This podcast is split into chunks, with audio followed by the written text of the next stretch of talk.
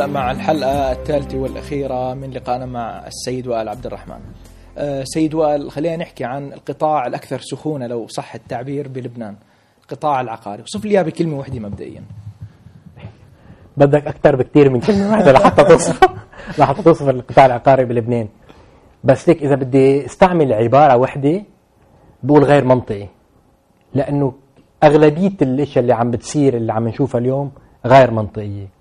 غير مبررة وما حدا في يفسرها بشكل بشكل منطقي. يعني من وين بدي بلش؟ من من أسعار العقارات اللي هي آه، مثل ما فرجيت أنا بالمقال اللي كتبته لعرب business review يعني اليوم إذا بدك تقارن بيروت بشكل حقيقي بمدن تاني وأنا قارنتها ب 12 مدينة بالمقال حطيت 8 بس إنه قارنتها ب 12 مدينة بتلاقي إنه بيروت إذا بتقارن سعر العقار بمدخول الشخص الفردي. بتقارن لحتى تشوف آه، قديش حقيقة غالي أو رخيص. بتقارنه بمدن تاني بيطلع معك إنه بيروت أغلى من إسطنبول. بيروت أغلى من لشبونة. بيطلع معك إنه بيروت تقريبا أغلى بمرتين ضعف فيينا. فيينا مدينة لما بيجوا بيعملوا دراسات لحتى يشوفوا أحسن مدن لحتى واحد يعيش فيها أغلب الأوقات تطلع بين أحسن ثلاثة أو أحسن خمسة. إحنا كثير بعاد عن عن هالترتيب ورغم هالشيء نحن مرتين أغلى. ف... طريقة الحزب كيف؟ أنا جيت أنا جيت بالضبط. أنا جيت أخذت في عندي مصدرين مصدر هو ال World Bank كرمال بيعطيك GDP per capita الدخل العام الفردي معدله. وجيت أخذت من Global Property Guide قديش بمدن معينة قديش سعر مثل مثل ال real estate وجيت قسمتهم على بعضهم لحتى أشوف لأنه أنت ما بدك تقارن إنه إذا بلبنان محطوط إنه مثل العمار ب 3500 وبفيينا مثلا ب 6000 منه نفس الشيء ما فيك تقارن 3500 ب 6000 لأنه الشخص اللي ساكن بلبنان بيطلع 14500 بالمعدل بالسنة بينما الشخص بفيينا بيطلع 43000 دولار بالسنة فال 6000 اللي عم يشتريها عم بيطلع 43 بينما أنت عندك 3500 اللي بده يشتريها بيطلع 14500 فقسمتهم لحتى تيجي تشوف حقيقة قديش الفرق بالأسعار. فأنت أغلى من إسطنبول أغلى من فيينا أغلى من بوينوس آيرس أغلى من لشبونة أغلى من شيكاغو.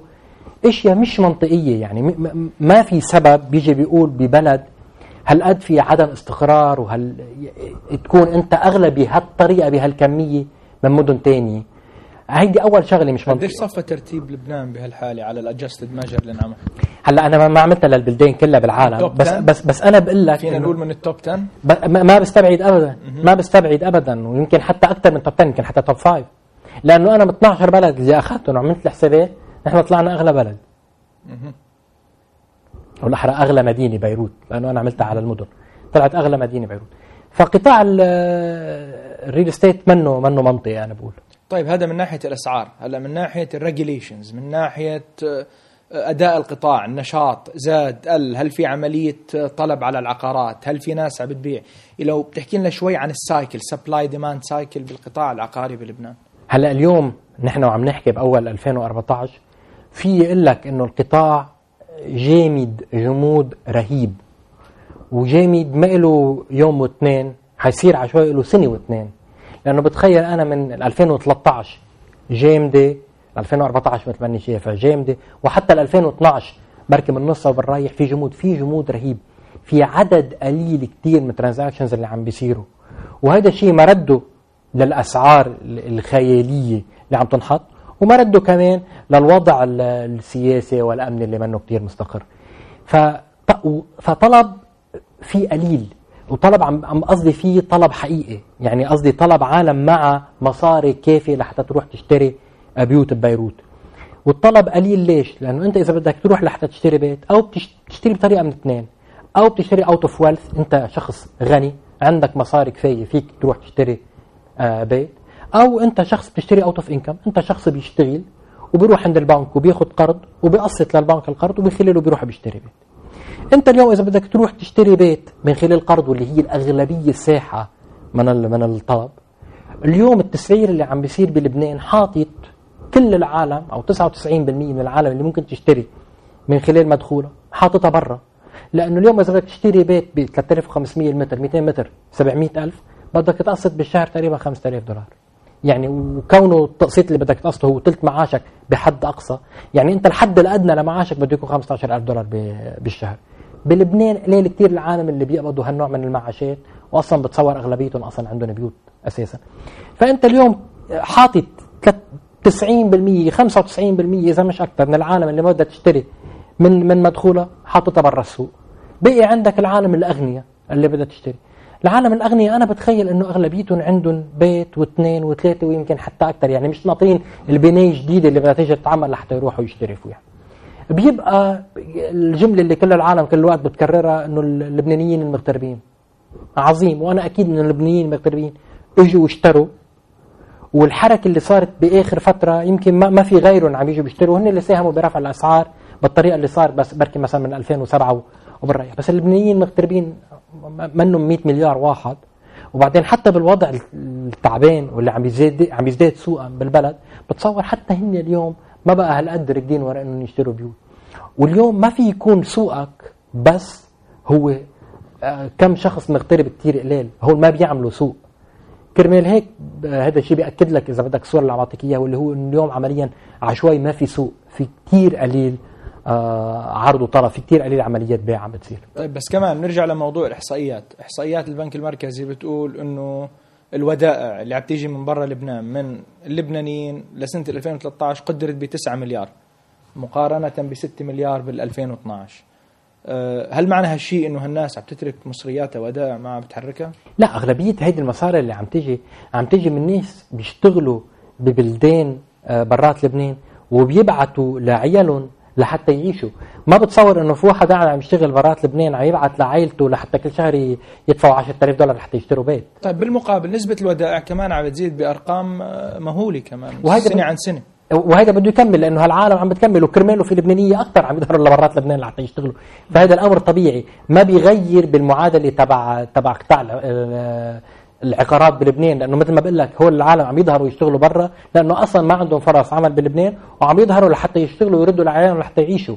المبلغ بحد ذاته بده يكبر إيه بده يكبر لأنه في عالم أكثر عم بتروح تشتغل. بس هذه المصاري ما ما عم تجي أو بنسبة كثير طفيفة مش عم تجي لحتى ينشرى فيها عقارات عم تجي لحتى العالم تعيش. لأنه اليوم الدخل بلبنان في كثير عالم لو ما هال المصاري اللي عم تجي من اللبنانيين اللي عم يشتغلوا برات لبنان آه، حاله فقر مدقعه عم بيكونوا فيها. طبيعي القطاع العقاري جزء من الاقتصاد. ولكن شو تأثير أداء القطاع العقاري على الاقتصاد اللبناني ككل؟ سؤال كتير منيح وبمحله.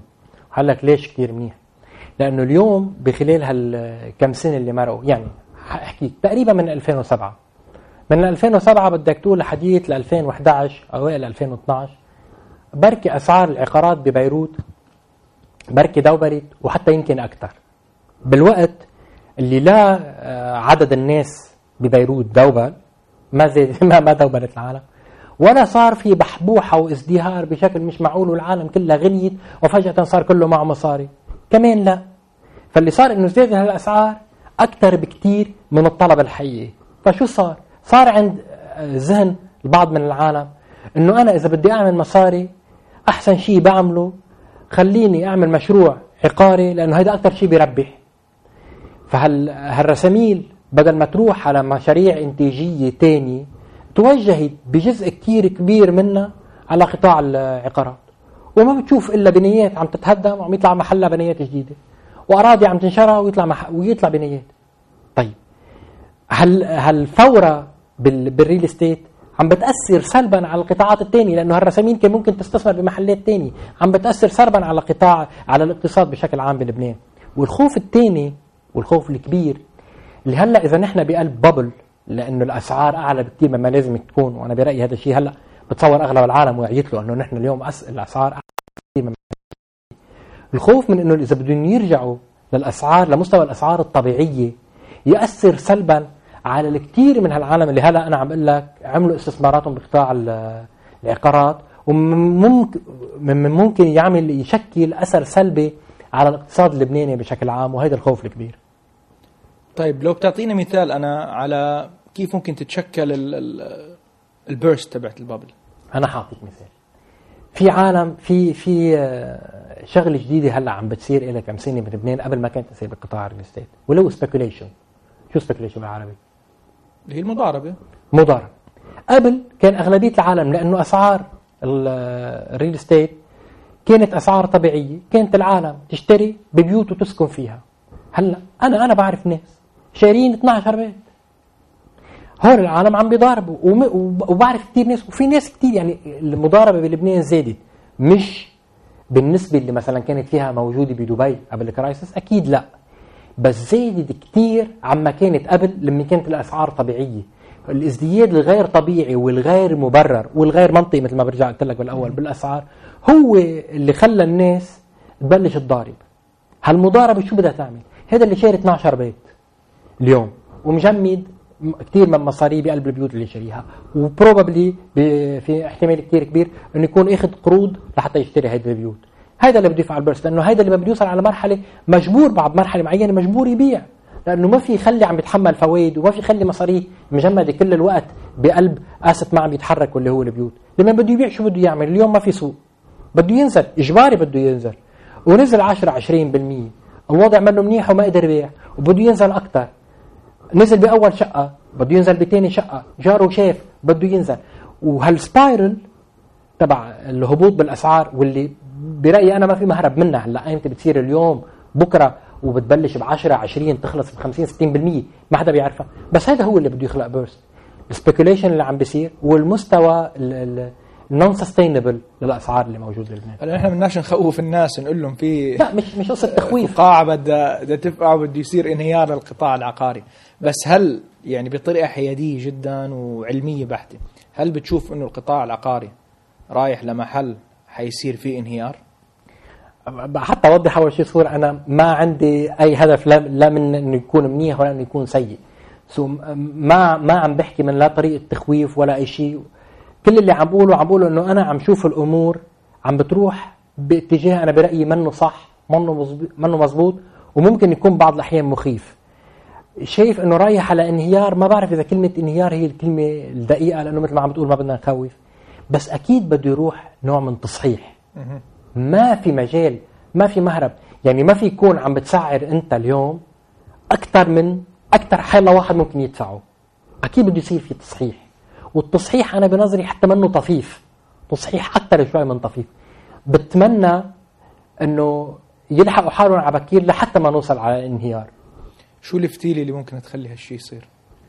ما في فتيلة هي مجرد ال- ال- التكميل الطبيعي للحياة والوقت اللي عم يمرق والمقاول اللي عم بيعمر وصاحب الأرض وال developer اللي ما عم يقدر يدفع واللي لأنه ما عم يقدر يدفع عم بيعطي عم يعطي المقاولين شقة بالبنايه اللي عم بيعمروها واللي بيمرق شهر واثنين وما بيقدر يبيع وبيجي بيقول إنه هلأ بتجي بتيجي الصيفية وبتيجي الصيفية وبتروح وما بيبيع.